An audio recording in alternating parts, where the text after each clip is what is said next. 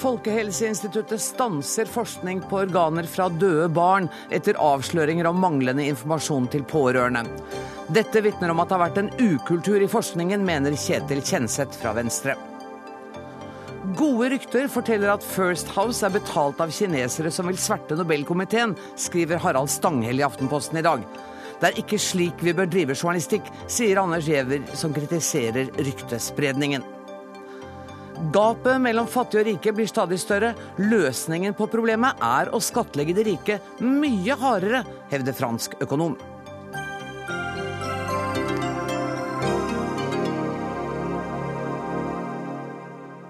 Dette er noen av sakene i denne utgaven av Dagsnytt 18, der vi også skal høre at det vekker skarpe protester når en kirke gir kollektpenger til Vålerenga fotball. Men først.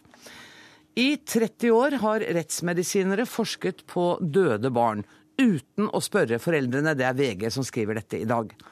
Organer til om lag 700 barn har blitt forsket på. Målet har bl.a. vært å forsøke å løse krybbedødgåten. Folkehelseinstituttet stanser nå denne type forskning. Divisjonsdirektør i Folkehelseinstituttet, Bjørn Magne Eggen, velkommen til Dagsnytt 18. Hva er grunnen til at dere, så vidt jeg forstår, i dag har stanset denne forskningen? Vi har midlertidig frosset denne forskningen nå sist fredag eh, fordi det er reist tvil om alt er legalt i orden rundt den forskningen vi gjør. Altså om vi har lovmessig hjemmel for hver eneste detalj i det. Og når vi er i tvil, så har vi funnet det riktig heller å fryse forskningsaktiviteten eh, og få, sette alle krefter inn på å få avklart det lovlige grunnlaget og få orden på det som måtte mangle, heller enn å skulle forske i denne fasen.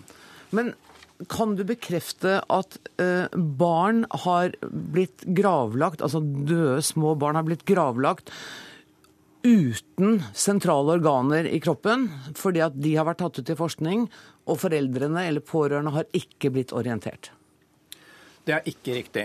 Eh, det som er riktig, er at man under obduksjoner av barn som hos voksne tar ut organer for å undersøke dem nærmere. En del av de detaljerte undersøkelsene forutsetter at organene blir fiksert, blir lagt ned på formalin i dager, uker eller måneder, slik at de kan undersøkes ved at man skjærer tynne mikroskopiske snitt. Men da snakker du om obduk obduksjoner som ikke er forskning, er det ikke det? Det er helt riktig. Og dette gjøres ved alle, ved alle, alle obduksjoner eh, i hele landet, på barn som på voksne. Når politiet frier likene, så vil fortsatt undersøkelsen av hjertene og hjernene ikke være fullført. Derfor blir likene returnert og bisatt eller begravd uten at disse organene er med. Det er foreldrene orientert om. Og det står i, Når det gjelder barn, så står dette i den informasjonsbrosjyren som finnes på hvert eneste sykehus, og som foreldrene får med, den såkalte krybbedødspermen, med informasjon til foreldrene. Eh, når undersøkelsen av hjerter og hjerner er fullført, så blir de etter en fastlagt tid samlet Eh, det blir håndtert av et begravelsesbyrå på våre vegne. Eh, de blir kremert i et krematorium og satt ned anonymt i et minnelund. Altså vi har en respektfull håndtering av dem. Men av hensyn til begravelse så er det ikke mulig å sette organene inn for selve begravelsen. De foreldrene som ber aktivt om det, vil kunne få også hjerter og hjerner for å sette dem ned i den samme graven. Men det skjer altså kun unntaksvis. Men hva er det eh, foreldre da har reagert på at de ikke har fått informasjon fra dere om? Vi har fått reaksjoner først og fremst via VG. Vi har i veldig liten grad fått negative reaksjoner fra foreldre. Jeg ser at det er kommet noe på sosiale medier i dag. Mm. Det foreldre sier, som er i en så tragisk situasjon at de har mistet et lite barn, det er at gjør det dere kan for å finne ut hvorfor mitt barn døde. Og dernest, kan dere benytte det dere nå har funnet hos mitt barn, til å finne videre årsaker til f.eks. krybbedød? Og Det er derfor denne forskningen har pågått i 30 år. Men Så det dere kan ha gjort, er å ta ut deler av et organ til og Vi snakker om små biter, altså under en kubikkcentimeter, kanskje under en halv kubikkcentimeter i størrelse for denne forskningen. Kjetil Kjenseth i Venstre, du mener at eh, denne forskningen vitner om en ukultur? Ja, jeg ser det her i sammenheng med det som har skjedd tidligere. Det er ikke lenger enn siden i 2008 at vi hadde den samme runden. Det er en reprise av debatten om, eh, om hornhinnetransplantasjon. og hvor, Minn meg på, for jeg husker ikke hele det. Det var pårørende som, som oppdaga at, at, øynene var fjernet fra avdøde uten at det var gitt samtykke. Det her er jo tilsvarende, og da ble det jo sendt ut et rundskriv i etterkant av det. Og så, så får vi høre her om at det gjelder jo da flere flere organer. I dette tilfellet så gjelder det barn. Men det gjelder altså mindre enn en kvadratmillimeter av et organ? Ja. Det, men det er prinsippet her. For jeg tror at de aller aller fleste Det viser jo den norske transplantasjonsvirksomheten, som er en av de aller beste i verden. Og der det er aktivt samtykke til at organer skal tas i bruk eh, fra avdøde. Eh, at 80 eh, av de pårørende sier jo ja til det. Så det er det liten diskusjon om. Men det er prinsippet om at du skal ha mulighet til å samtykke, og ikke bli informert i ettertid om. Og det er ganske stor forskjell. Du, jo, du syns dette er så alvorlig at du mener statsråden, altså Høie, Bent Høie, bør komme til Stortinget med en redegjørelse? Ja, eh, sett i lys av at vi nå diskuterer eh, i Stortinget en, eh, en, lovgivning om elektronisk pasientjournal og helseregistre, så er vi helt nødt til å ha en tillit til at både forskere og forvaltningen håndterer helseopplysninger om oss og, og, og vår, retten til våre organer og våre avdøde på en forsvarlig måte. Og det her bryter litt med det tillitsforholdet. Tone Trøen, du er stortingsrepresentant for Høyre. Er du enig i kritikken fra Kjenseth? Det jeg er opptatt av, er at det ser ut til at vi har et regelverk som ikke tar høyde for uh, alt når det gjelder foreldres samtykke. Så jeg mener at her er det viktig å eventuelt tette hull hvis det er eh, hull i regelverket. Eh, jeg tror, eh, som det blir sagt, at de aller fleste foreldre ville samtykke til forskning. Og vi vet jo at krybbedødforskningen har medført veldig, veldig gode resultater, og gjør at foreldre nå får gode råd i forhold til nettopp krybbedød, som var veldig alvorlig på slutten av, av 80-tallet. Er du enig i at statsråden bør komme til Stortinget med en redegjørelse om dette? Ja, det tror jeg statsråden vil gjøre. Men jeg tror også statsråden vil se på eh, muligheter for å nå eh, tette dette hullet, som jeg, som jeg sier. Og, og, få regler som, som gjør at eh, foreldre kan, eh, eller må, må kunne gi samtykke til dette. Eh, Bjørn Magne Engen, dere i Folkehelseinstituttet, dere har altså stoppet denne, dette forskningsprosjektet nå. Eh, hvor lenge kan dere av hensyn til forskningen la det være frosset? Dette er materiale som bokstavelig talt er nedfrosset. Er frosset, ja. Så det som da skjer som ikke kan endres, eh, selvfølgelig, det er dersom små barn dør nå, så blir det ikke tatt ut materiale fra akkurat de barna for forskning. Det starter ikke igjen før vi er helt sikre på at alt det lovlige er fullt ut på, tilbake på sporet. Har dere forståelse for kritikken om at det er prinsippet det gjelder? Det spiller ikke noen rolle om det er en stor eller liten del av en hjerne eller et hjerte. Det er prinsippet om at pårørende skal være orientert. Ja, og det ser vi. Og eh, Obduksjonsforskriften, som gjelder primært for sykehusforskrifter, den sier jo også at etterlatte skal informeres om at eh, materialet kan, eh, fra obduksjon kan bli brukt for, eh, til forskning, og at de har anledning til å reservere seg. Men Har dere glemt det da, eller? Vi har ikke vært årvåkne nok for å få det på plass, og det er en påminning om vårt eget internkontrollsystem, ja. Hvor alvorlig ser du på denne saken? Hvis vi ikke hadde sett alvorlig på det, så hadde vi ikke stanset forskningen. Eh, hvor, hvor, raskt kan man komme med nye lover som, eller reguleringer som gjør at smutthullene blir tettet? Departementet jobber nå med å se på eh, transplantasjons- og obduksjonslovgivningen. Ja, eh, og jeg tror det er helt naturlig at man ser på dette aspektet i den, eh, i den sammenheng. Og at man faktisk eh, tar spesielt dette med samtykke til forskning som en viktig del av, av det lovverket. Da kommer vi et skritt videre. Tusen takk for at dere kom, Bjørn Magne Eggen, Tone Trøen og Kjetil Kjenseth.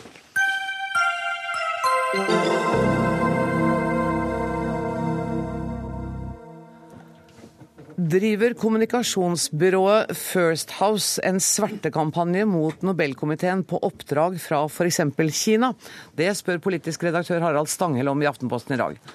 Harald Stanghelle skriver sitat Gode, men ubekreftede rykter kan fortelle at kinesiske interesser har leid inn First House til kampanjen mot Torbjørn Jagland og Nobelkomiteen.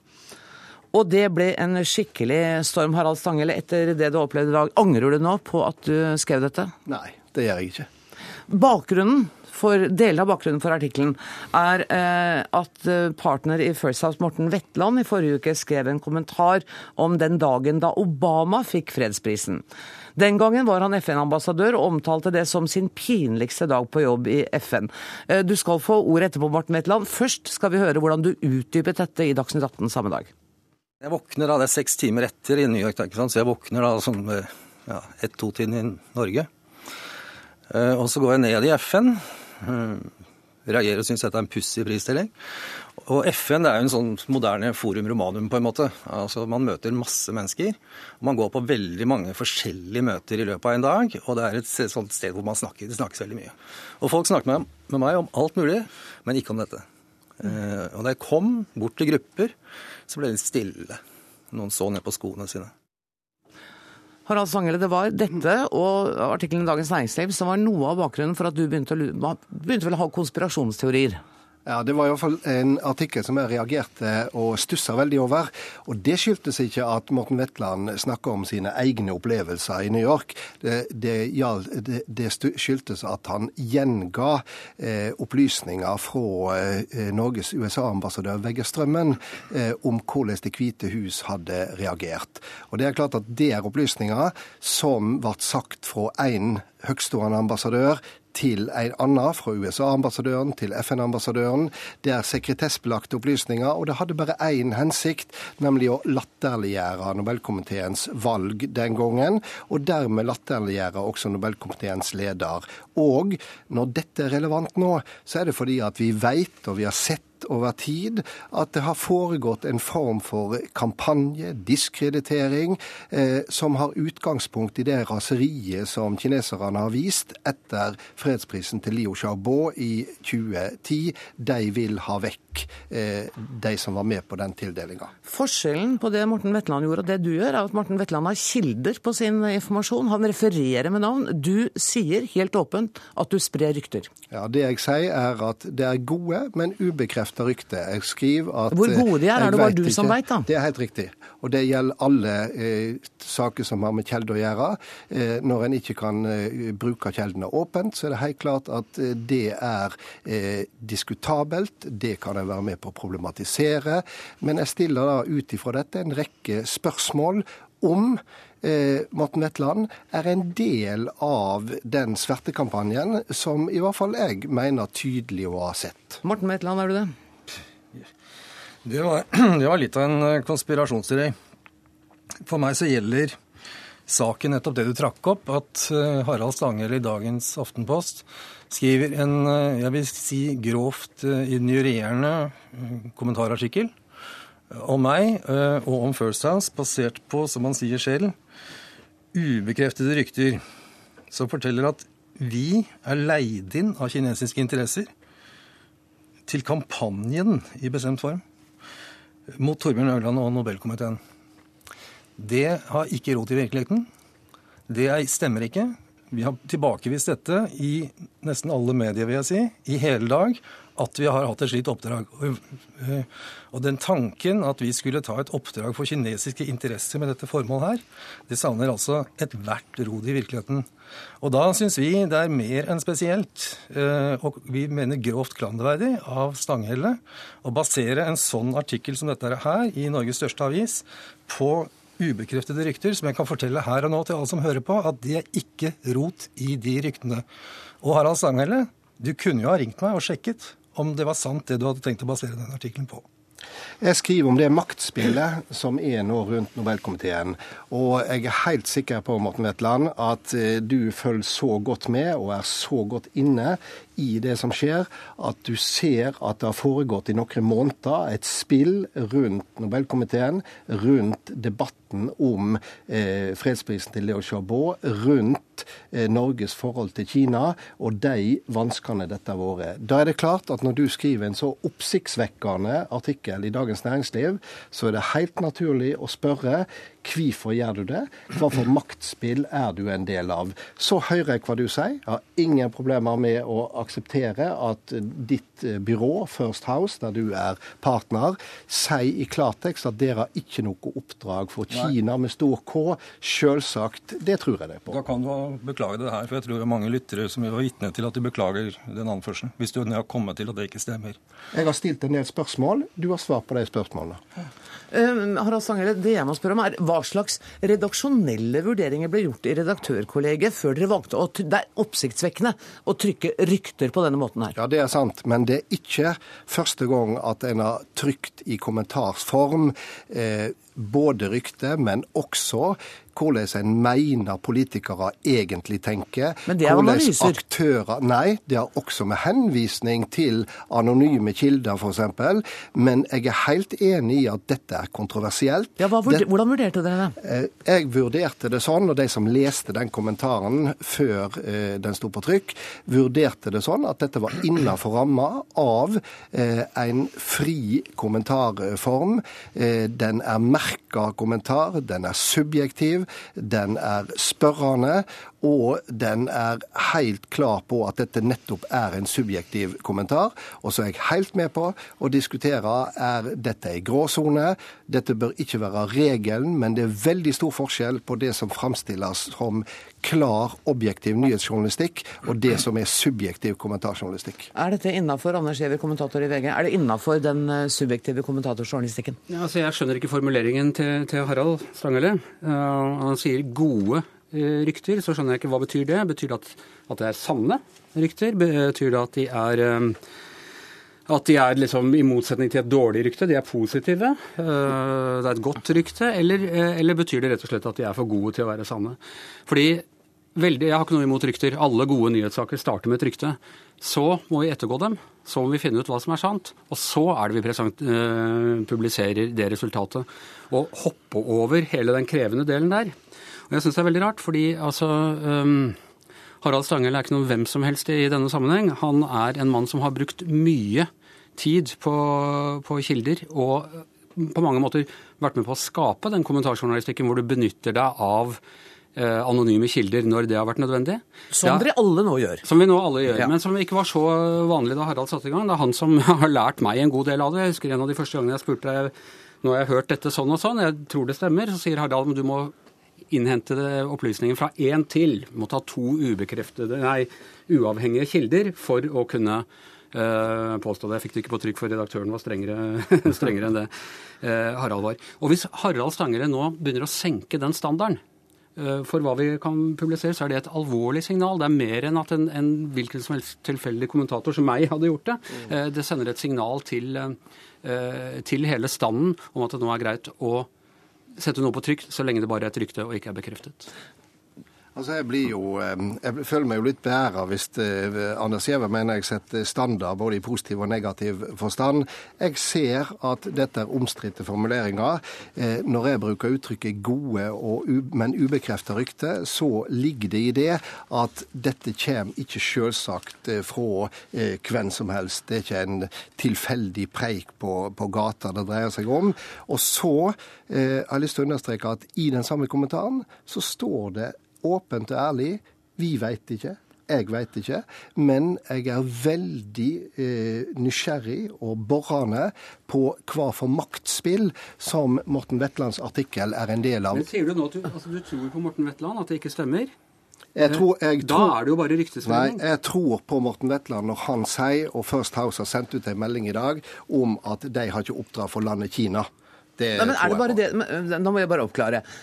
Er det bare det du har sagt nei, at at dere ikke har oppdrag for landet Kina? Nei, kinesiske interesser. Eh, har dere for du sier, eksempel du sier samtidig at dere har oppdrag for firma som har interesse i Kina. Ja, norske selskap. Vi har jo en lang rekke norske selskap som kunde. og Det skulle bare mangle i et land som Norge at ikke noen av dem hadde ja. økonomiske interesser i, i Kina. Poenget, har poenget er dere vi har har ikke et kunder. sånt oppdrag som Harald Stanghelle prøver å få det norske folk til å tro at vi har. Eh, du har gitt råd til Giæver om at han må ha minst eh, to uavhengige kilder. Har du minst to uavhengige kilder for den, de ryktene du har satt ut i dag? Jeg tror nok det var på eh, nyhetsjournalistikkens område, ikke på kommentarjournalistikken. Og der er det en vesensforskjell, fordi at kommentarjournalistikken er subjektiv. Der er rammene vide, og det vil være påstander i en kommentarjournalistikk som en ikke kunne brukt på nyhetsplass. Men nå vet vi jo at Pressens faglige utvalg også uh, rammer uh, kommentarjournalistikken. Mm. Den har gjort det overfor Dagbladet, gjort det overfor NRK. Uh, jeg vet ikke, Har dere bestemt dere i First House om dere vil melde inn, klage inn dette? Det skal vi vurdere nå. Du kan altså risikere å bli dømt for dette? Ja da, og det er klart at eh, First House har samme rett som alle andre til å klage inn en artikkel for Pressens faglige utvalg. Og så må Pressens faglige utvalg vurdere er dette innenfor grensene for kommentarjournalistikk. Er det det ikke? Men, det er interessant da, VG ble akkurat dømt eh, i Pressens faglige utvalg fordi de ikke hadde innhentet tilsvarsrett fra et parkeringsselskap mm. rundt et faktum som ikke var bestridt, men på kommentarplass ikke hadde henta inn dette her. Så dette er ting de jobber med i Pressens faglige utvalg. For tiden. Men Harald Sangele, legger du ikke din egen troverdighet på blokka her også? Skal jeg stole på en, en eh, Aftenposten-redaktør som, som, sprer rykter, og som sier at det er det han gjør? Ja, men eh, dette er en del av en sammenheng. Dette er ikke ett rykte som står midt inne i en kommentar. Dette er en vurdering, en analyse og en kommentar som dreier seg om den kampanjen som har vært retta mot Nobelkomiteen, mot Torbjørn Jagland, som har til hensikt å underminere og latterliggjøre han. Og jeg er like forbausa som før vi begynte denne samtalen, hvorfor Morten Wetland bruker sekretessbelagte opplysninger fra, som han har fått visst i kraft av å være FN-ambassadør, for å skape støy rundt den sittende leder for Nobelkomiteen. Syns det er er pressen, det? Som journalist syns jeg det er festlig, eh, men som analytiker, når jeg forsøker å se det spillet rundt Nobelkomiteen, og den rolla som eh, de kreftene spiller som ønsker å skifte ut Nobelkomiteen pga. fredsprisen til Liao Xiaobo, så begynner dette å bli interessant. Og er det noe vi i media er opptatt av, bør være opptatt av, skal være opptatt av, så er det skjult maktutøvelse. Men, men ser du ikke at den artikkelen din kan ha bidratt til at vi nå sitter og diskuterer det, heller enn å diskutere realitetene omkring eh, utnevnelsen til Nobelkomiteen. Men, men, jeg ønsker jo enhver debatt om journalistisk metode velkommen. Vetland, eh, dette maktspillet som du da uh, ifølge Harald Stanghelle skal være en del av, kan du si litt mer om det? Nei, Jeg lærer av Harald Stanghelle at jeg er del av en svær konspirasjon for å Hva var det du sa jeg skulle gjøre? Latterliggjøre Torbjørn Jagland. Um, ja, Du latterliggjør jo prisen ved å fortelle det du gjør. Så er det jo en typisk latterliggjøring av prisen i 2009. Og du gjør det midt opp i en aktuell debatt om sammensetning av komiteen. Altså Ditt ord latterliggjøring, det er ditt valg. Mm. Det mener jeg at jeg ikke gjorde. Jeg meddelte observasjoner som jeg hadde gjort som FN-ambassadør. Og som du fikk vite av Vegge Strømmen? Jeg, jeg sier ikke hvem jeg har fått vite det av. For jeg har oppdaget før sending nå at Anders Giæver har visst dette lenge. Men han har ikke fått noen til å bekrefte det. Så det er ikke bare Vegger Strømmen og jeg som vet dette. Men det er du som har bekrefta det, for det er, det er du som nå, satt i posisjon. Nå, du, nå, vrir du på en måte samtalen over til noe den ikke gjelder. Det vi skulle snakke om, var mm. spørsmålet om å spre rykter i en kommentarartikkel slik du har gjort det i dag. Mm. Er dette første av flere? Ja, det aner ikke jeg, fordi at jeg vet at dette er en kontroversiell form. Jeg vet at det ikke er sånn jeg kommer til å skrive eh, de fleste av mine kommentarer. Eh, men jeg opplevde akkurat denne situasjonen som så spesiell, eh, og jeg opplevde hele bildet som så spesielt at jeg valgte å gjøre det. Og så må selvfølgelig jeg tåle både dine og andre spørsmål på det. Jeg må tåle at Anders Giæver og andre er uenig i den måten å gjøre det på. Det er nå en gang slik vi skal ha det og sånn vi har det. Det må jeg eh, akseptere. Men eh, jeg står fast ved at kjernen for meg i denne saka, det er det spillet som ikke minst eh, kinesiske krefter har drevet i forhold til Nobelkomiteen. Det er det som er det interessante. Resten av den samtalen må vi ta ved neste korsvei. Jeg inviterer dere tilbake igjen til å diskutere mer om det. Tusen takk for at dere kom, Morten Wetland, Harald Stanghelle og Anders Giæver.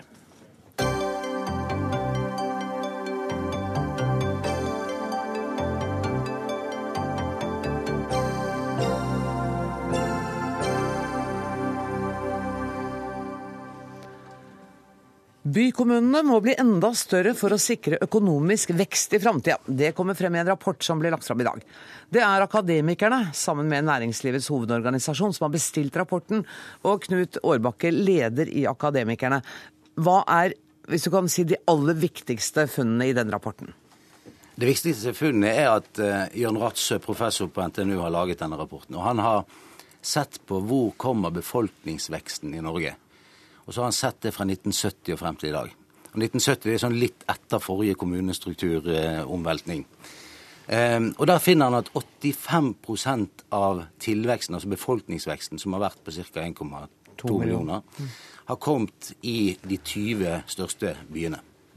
Det forteller noe om en urbanisering av samfunnet. Det forteller noe om at bedrifter, folk, kompetanse ønsker å bo i sentrale, om ikke sentrale strøk, så i hvert fall på, på store plasser. Og så ser vi samtidig at kommunestrukturen rundt disse byene Ta eksempelet Stavanger. Åtte kommuner egentlig i Stavanger. Altså Stavanger er én, og så er det syv til, som utgjør den helt naturlige Stavanger-området, eller Stavanger-regionen. Det betyr at du har åtte skolesjefer, du har åtte tekniske sjefer, du har eh, eh, altså do, eh, åttedoble eh, administrasjoner, som da hegner om sine ting, mm. eh, og som helst vil ha det bra, og helst vil at naboen skal ta det dårlige eller at alle skal ha det like bra. Med oss fra Trondheim har vi deg, Ola Borten Moe, nestleder i Senterpartiet. Ehm, denne rapporten eh, som kom i dag, 'Næringsutvikling, utdanningsvekst og urbanisering utfordringer for kommunereformen', den tar altså ikke for seg absolutt alle felt av et menneskes liv. Men hva syns du om anbefalingen om færre og større bykommuner? Nei, Jeg tror at vi skal ha omsut for eh, hele landet. Eh, for å sikre vekst og utvikling i alle deler, ikke bare i de store byene. Og så tror jeg at eh, en av de tingene som har gitt oss stor suksess i Norge, det er jo at vi har hatt en, et aktivt forhold og en aktiv politikk for å sikre utvikling i hele landet. Mm. Og hvis jeg får hoppe over grensa til Sverige, så gjorde jo Sverige det som denne rapporten anbefaler for, for en 30-40 år tilbake i tid. Eh, der bor eh, en langt større del av befolkninga i de store byene. Jeg tror 90% av svenskene bor i Stockholm eller sør for Stockholm. Det er nesten dobbelt så mange som bor i Sverige som i Norge. Og vårt brutto nasjonalprodukt er større enn det svenske. Så skal man ikke eh, konkludere på bakgrunn av et sånt tilfelle, men det er i hvert fall en indikasjon på at vår suksess skyldes at det bor folk over hele landet, at vi er i stand til å utnytte hele vårt ressursgrunnlag, og at det sikrer oss høy verdiskapning, høy velferd. Og det tror jeg Eh, vi i alle fall eh, skal, skal legge oss tungt på hjertet. Og så tror jeg òg at norsk økonomi framover, som i dag, kommer til ikke bare til å handle om vekst i de store byene, men det kommer til å handle om ei aktiv forvaltning av rike naturressurser, enten det er mat, skog, eh, olje, gass, energi. Eh, og de ressursene ligger ikke i Oslo og ikke i Trondheim. Nei, Nå, nå dreier denne rapporten seg altså om næring, utdanning og urbanisering. og det, jeg vet ikke om du har rukket... Ja, det var verdiskaping jeg snakka om. Ja, nettopp. Og det, jeg vet ikke om du har rukket å lese, men det står altså at urbaniseringsgevinstene de ligger i de økonomiske fordeler som befolkningstetthet og geografisk konsentrasjon kan gi. Byregioner med flere sentra får ikke fullt utnyttet denne kapasiteten. Og der, Det sier jo da også i rapporten at folk flytter til sentrale strøk, enten du vil det eller ikke.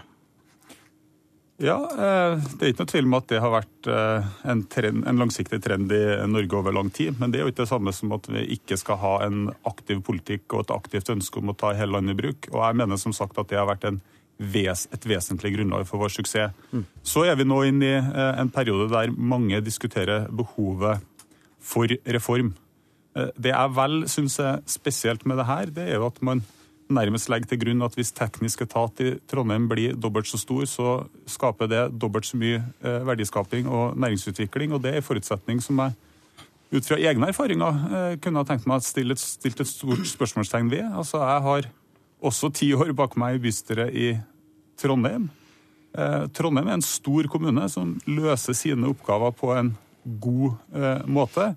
Men jeg tror ikke at man ville ha fått totalt sett et bedre resultat i Sør-Trøndelag og i, i, den regionen som jeg bor i, hvis man skulle ha sentralisert all makta eh, og all beslutningskompetanse inn fra de omliggende områdene mm. og inn til byen. Jeg tror snarere at man bør uh, diskutere hvordan man kan styrke uh, de miljøene som ligger rundt Trondheim, ikke selve Trondheim. Jan Tore Sanner, kommunal- og moderniseringsminister. Du tror vel da det stikk motsatte av det vi hørte Ola Borten Moe si her nå? Jeg har lest rapporten, mm. og jeg har lest den med, faktisk med stor begeistring. Det er ikke, ja, det som, tror jeg jo, men som, som, statsråd så er det ikke alltid jeg får tid til å, å, å lese rapporter fra perm til perm. Eh, men denne ble, denne ble, ble jeg grepet av. Og, og, hvorfor blir jeg det? Jo, fordi at uh, her snakker man om Jeg må bare smile litt og bli grepet av en rapport. Unnskyld. jo, men her, her, snakker du jo om hvordan man kan utvikle landet vårt. Ja. Og jeg er grunnleggende uenig med Ola Borten Moe at, uh, at man her setter by opp mot land. Snarere tvert imot. Hele kommunereformen det handler om å, å, å styrke kommunene i hele landet, styrke fagmiljøene, skape bedre tjenester der folk bor. Det de har gjort i denne rapporten, det er å ta konsekvensen av at byene og byregionene våre vokser. Mm. Ta Bergensregionen. Der kommer det til å bosette seg 150 000 nye innbyggere i løpet av de kommende 25 år. De skal bygge 60 000-80 000 nye boliger. Du snakker om barnehaver, skoler, infrastruktur. Hvis alle kommunene skal, skal, planlegge innenfor sine administrative grenser, så får du ingen god samfunnsutvikling rundt Bergen. Det andre er at uh, i denne rapporten så reises det en interessant tanke som jeg ikke har tatt stilling til. Hvor de sier at la Stavanger-regionen Eh, Bergen, Trondheim får Oslo-status. Mm. og Dvs. Si at, at de da kan få de samme oppgavene som et fylke har. Da snakker vi om å, å, å flytte makt, desentralisere makt. Lave, eh, balanserte byer som kan også utfordre hverandre ulike steder i landet. Og så, så sier de en annen ting. De sier at det vil jo da føre til at man må eh, fjerne fylkeskommunen slik vi kjenner den nå, og lage et mye enklere system mellom kommuner og stat. Ja, altså Høyre og, og Fremskrittspartiet vi, vi mener i utgangspunktet at vi hadde klart oss med to nivåer. Men nå er det flertall på Stortinget for å ha tre. Det betyr at, eh, at nå pågår det en interessant debatt mellom partiene på Stortinget om hvordan vi skal håndtere dette fremover. Og Da er jeg åpen og ydmyk for de diskusjonene som går. Innspillet fra Ratsø syns jeg er interessant, eh, for det viser jo at eh, kommunereformen ikke bare handler om de små kommunene, det handler også om de store. La meg ta ett eksempel fra min egen eh, fylke, Akershus. I Akershus, når Oslo og Akershus kommer også til å vokse i årene som kommer. Der har du 22 kommuner, tre forvaltningsnivåer, én by.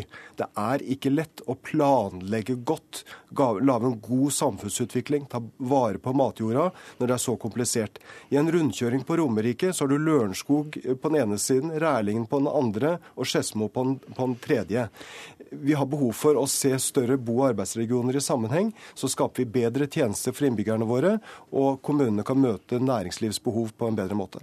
Men eh, det ligger jo en liten kritikk av statsråden eller av regjeringen her også, hvor man mener at i denne rapporten mener at man tenker for mye på småkommunene og regionene og for lite på de sentrale områdene. Ja, altså Rapporten, eh, eller Ratsø da, som står ansvarlig for innholdet her, eh, han, han mener jo, og jeg støtter han i det, at man kunne tenkt dette litt mer i trinn. Og Da sier han utvikle de 20 største byområdene først og så får man ta resten av landet etterpå, når man skal gjøre reformen. Og så sier han, eh, og det sa han på vår konferanse i dag når denne ble offentliggjort, det var ganske interessant, da sa han eh, å gi altså fylkeskommunal status eller fylkeskommunale oppgaver til Bergensområdet, Stavanger-området og Trondheimsområdet, det burde skje i løpet av noen måneder. Mm. Altså Det kan bare vedtas. Nå har, nå har Sanner sagt at det vil han ta stilling til. Men så har jeg én kommentar til Borten Moe, hvis ja, jeg får lov. Det må du gjøre veldig kort nå. Jeg skal gjøre det. Han feiler jo for det at han sier at ikke fagmiljøer blir bedre av å bli større. Fagfolk og gode fagfolk er gode alene, men de er enda bedre i større fellesskap. Ja, det, ok, det har vi hørt. Sanner. Altså, jeg vet litt om Borten, må du skal få siste ord. Ja. Jeg er uenig i at man skal starte med byregionene for så å tenke resten av landet. For meg handler denne reformen både om de små kommunene, styrker fagmiljøene. Jeg mener det er en utfordring når 100 kommuner i landet vårt bare har to fagpersoner i barnevernet. Mm. Hvordan, hvordan, skal man håndtere helger, ferier, hvis en blir syk, hvis en slutter? Vi er nødt til å ha sterkere fagmiljøer også i de små kommunene, slik at innbyggerne får bedre tjenester. og Derfor må vi ha to tanker i hodet. Både tenke på de små kommunene, hvor det handler mye om bedre velferdstjenester, og byregionene, hvor det handler om å takle vekstutfordringene. Ola Borten, må du få 15 sekunder. Ja, altså punkt 1, altså, Man må samarbeide med naboen. og Det ja. gjør man enten man er liten eller stor. og så er det sånn at Kanskje skal man overføre oppgaver fra fylkeskommunene til kommunene, men man kan ikke bare gjøre det med utgangspunkt i at det skal være bra for byen. altså Man må også tenke på omlandet, fordi at det er regionale oppgaver. Videregående utdanning, transport, eh, veiplanlegging, for å nevne noe. Tusen takk for at dere kom for å snakke om kommunenes framtid i Norge. Jan Tore Sanner, Knut Årbakke og Ola Borten Moe.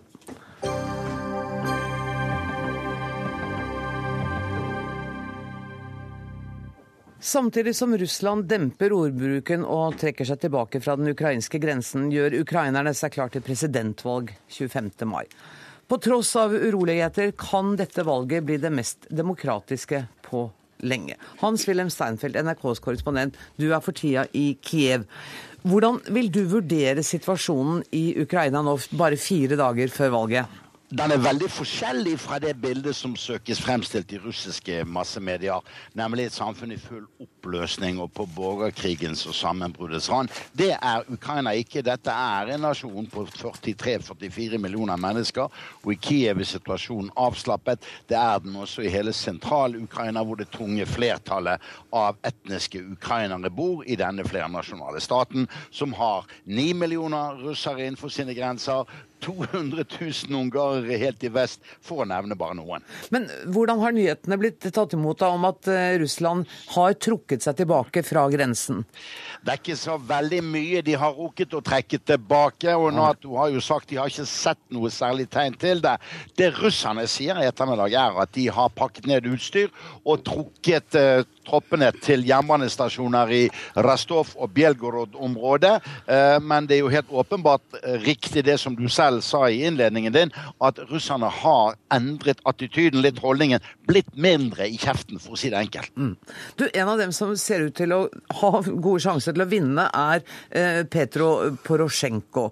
Hvem er han? Du må unnskylde at jeg er uvitende på dette punktet her.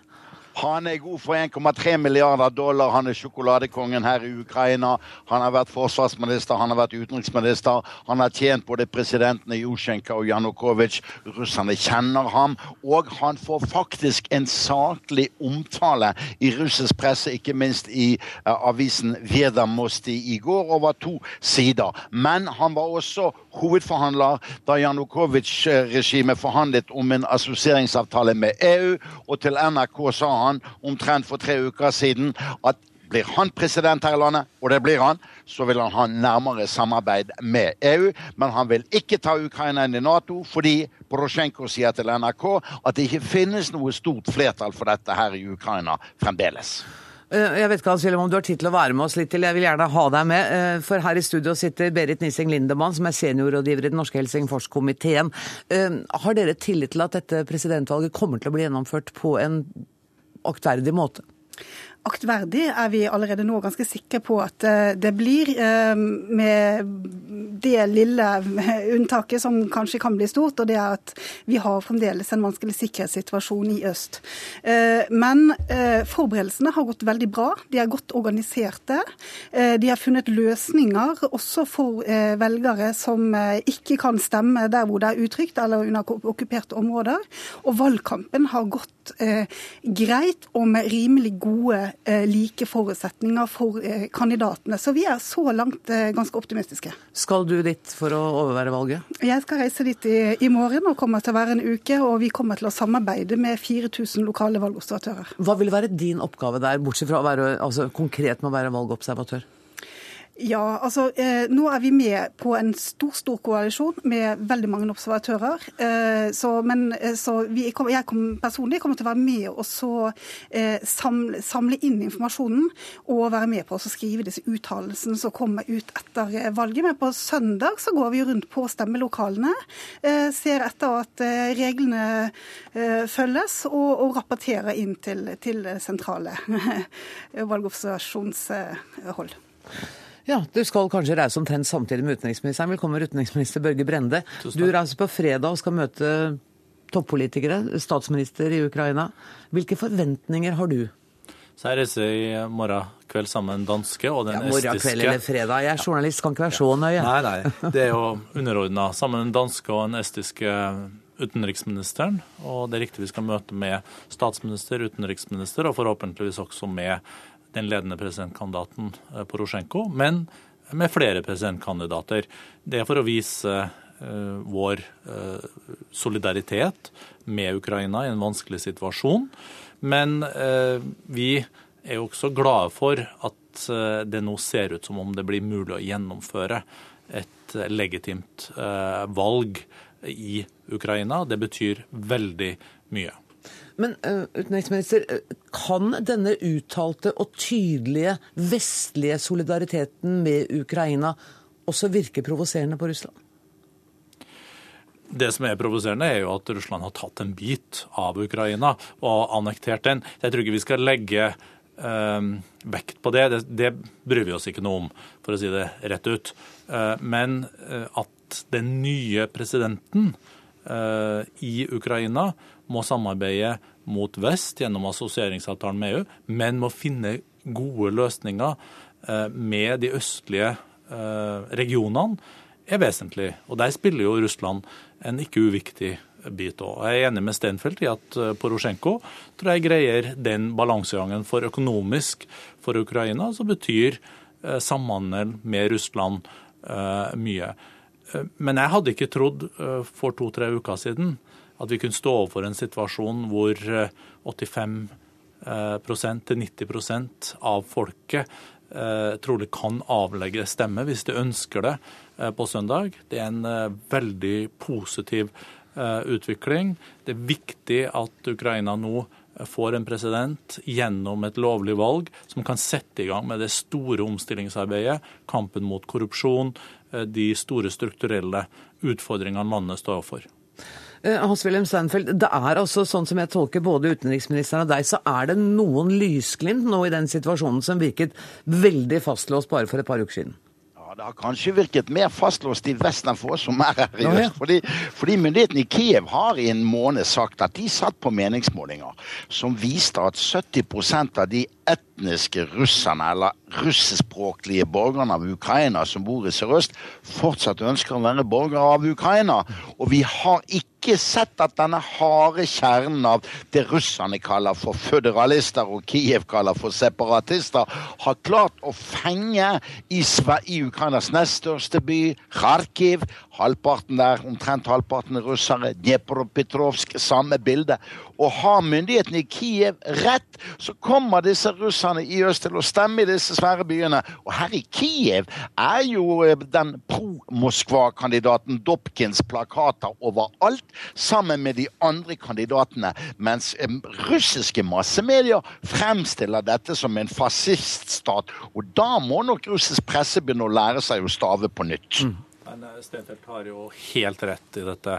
Dessverre så er det eh, også presse i Vesten, selvsagt ikke NRK, eh, som har kjøpt en del av den eh, propagandaen, eller bygd en del av nyhetsdekninga på eh, russiske kilder. De har drevet en propaganda som vi må tilbake til den kalde krigen for å finne eh, maken til. Nå ser vi at valget trolig kan gjennomføres med 90% av folket kan stemme.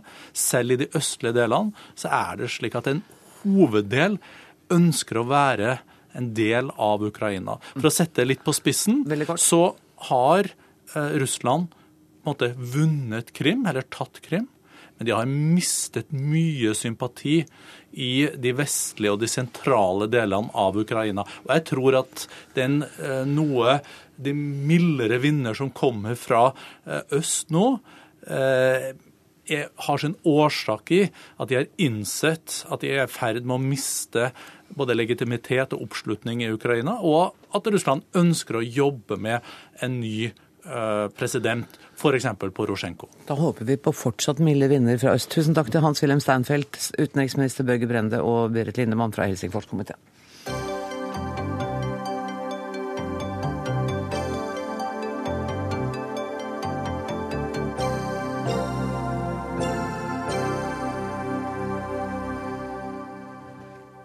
Norsk toppfotball sliter med økonomien, og tilhengerne til fotballklubben Vålerenga har startet en kronerulling hvor de vil samle inn fem millioner kroner.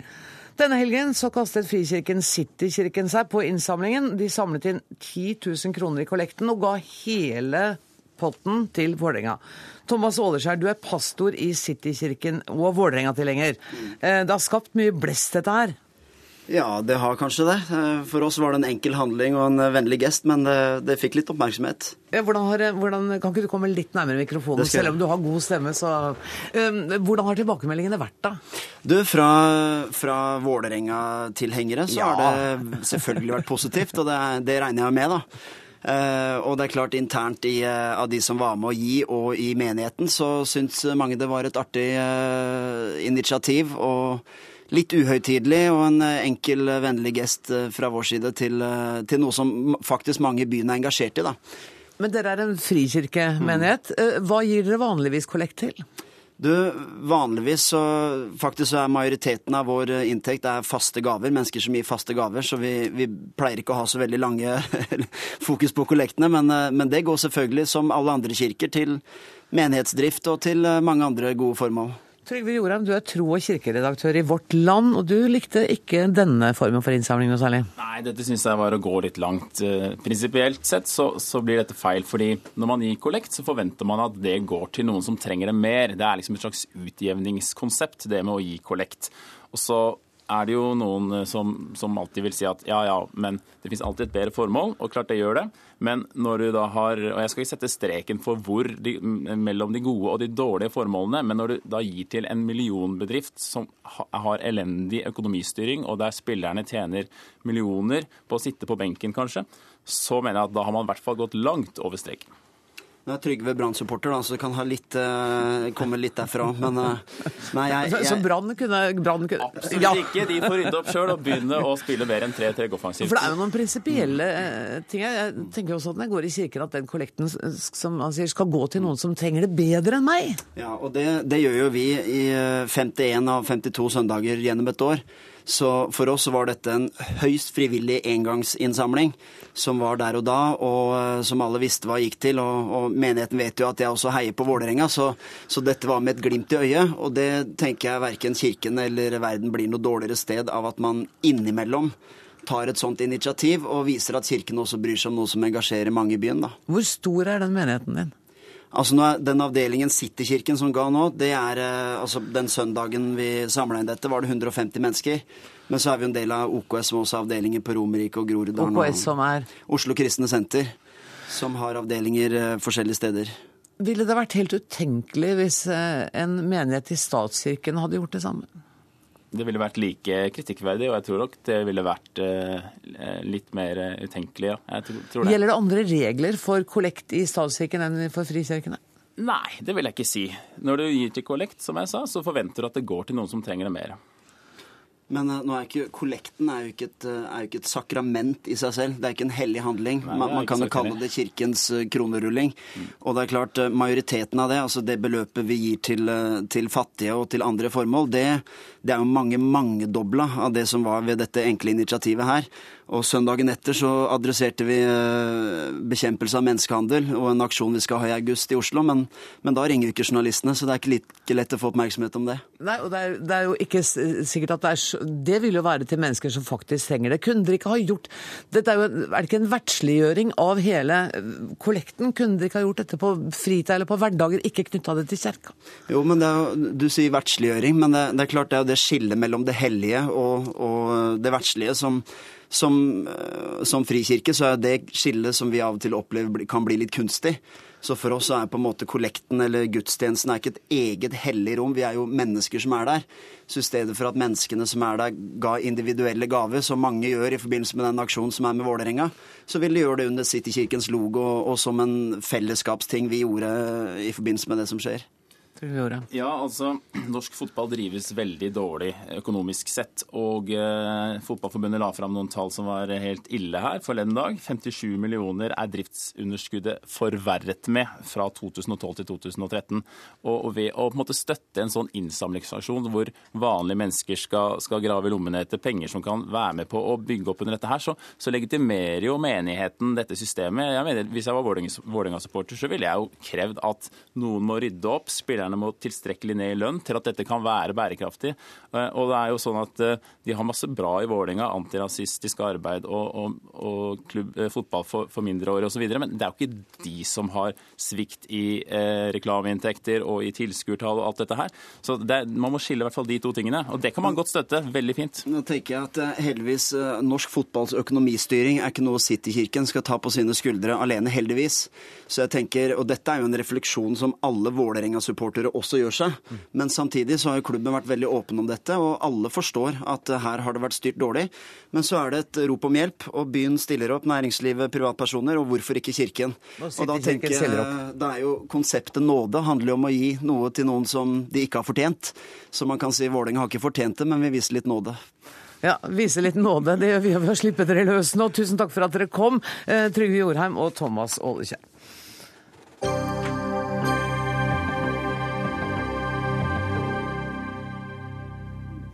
Fattigdomsproblemet kan løses ved at eh, de rike betaler 80% skatt. Det mener en fransk økonom. Dette kommer fram i en bok som allerede er spådd å kunne vinne Nobels, eh, Nobelprisen 'Kapital i det 21. århundre'. Den har skapt enorm debatt, og en av dem som har kastet seg inn i dette likhetsordskiftet, det er du, Marte Gerhardsen, leder i tankesmia Agenda. Du skriver i et innlegg i Dagens Næringsliv i går at vi må ta ulikhet på alvor ut, hva heter det på, når du har norsk stil? Utdypa forklaring? Ja, noe sånt. Ja, jeg synes Du startet veldig bra. Dette er jo en diskusjon som nå går veldig høyt internasjonalt. Den har satt agendaen i Verdensbanken, i IMF, i OECD. Barack Obama har sagt at hans aller viktigste innenrikspolitiske eh, spørsmål og sak nå i sin siste periode er ulikhet. Så dette er, eh, og det, Kort oppsummert så handler det om at eh, noen av de rikeste blir stadig rikere. Kapital hoper seg opp, og du får stadig større forskjeller. Og den utviklingen ser vi også til en viss grad i Norge. Vi er fremdeles et land med, med små ulikheter, men vi ser at ulikhetene øker. Og Da er det viktig at vi nå tar denne diskusjonen, får med oss det som, eh, den diskusjonen som er internasjonal, både på beskrivelse av virkeligheten og på å se på ulike løsninger.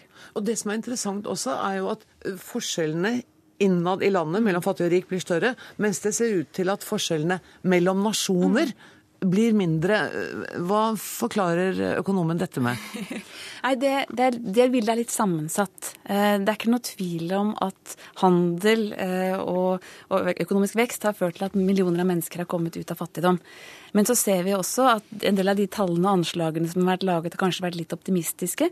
Verdensbanken har bl.a. satt ned sine anslag for vekst i Kina, så det ser ikke ut som, som forskjellene har blitt så mye mindre. Men, men det som er, i hvert fall er helt sikkert, det er at forskjellene internt i land Eh, øker.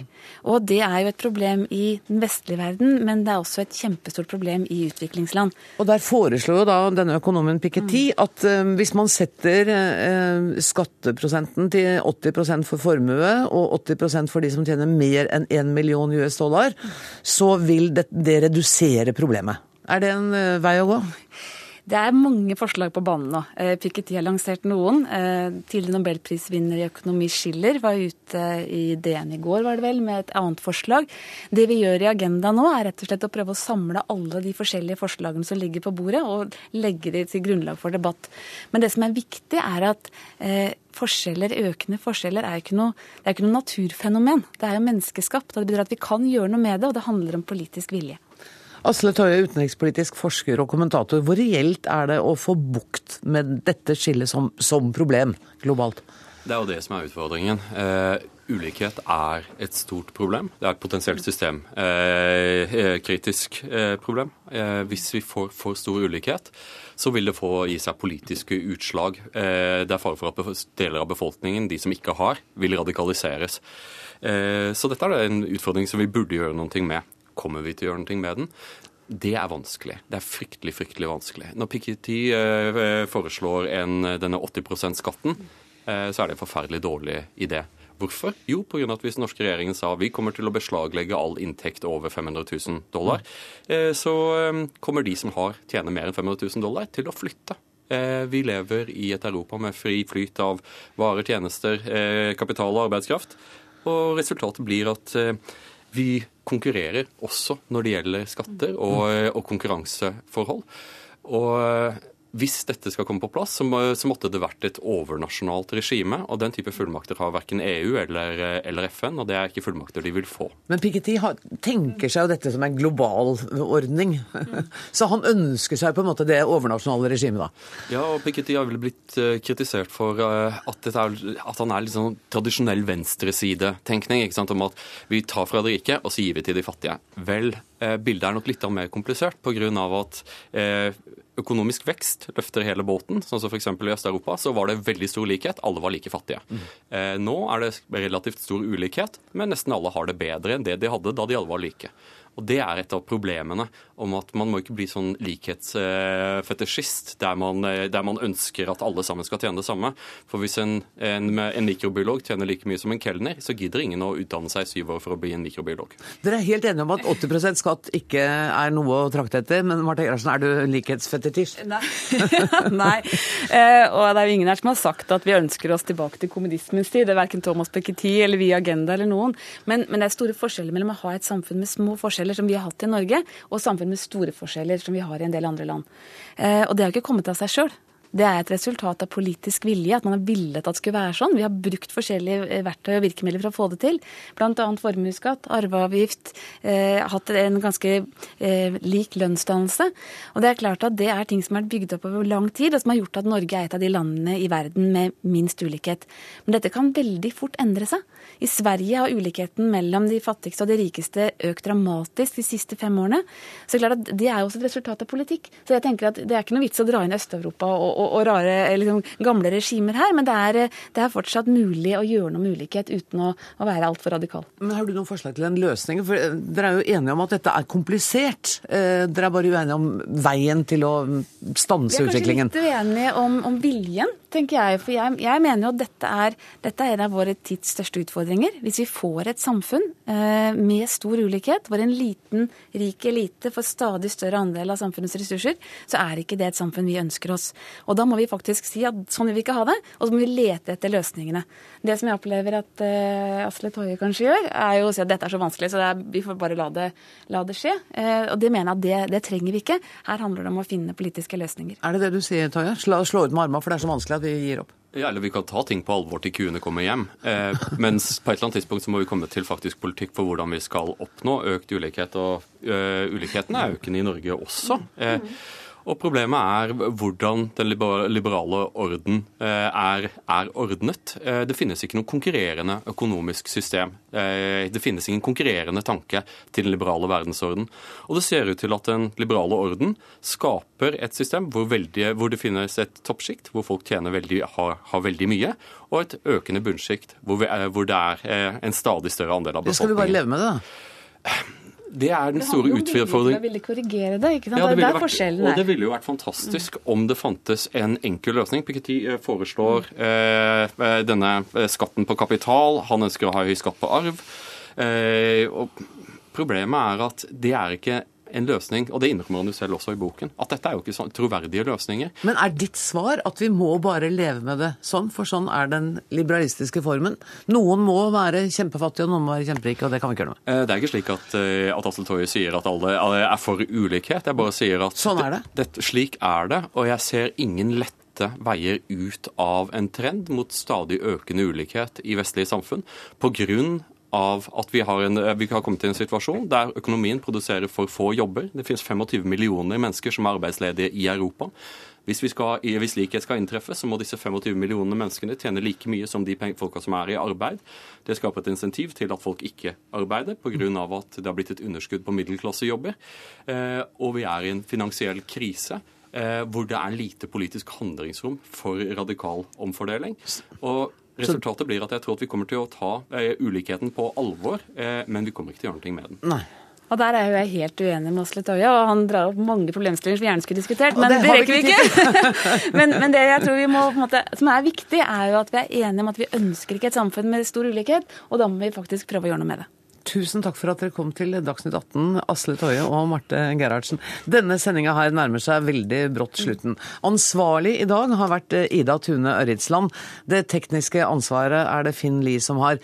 Jeg heter Anne Grosvold, og vi høres igjen på klokka 18 på samme kanal i morgen. Takk for nå.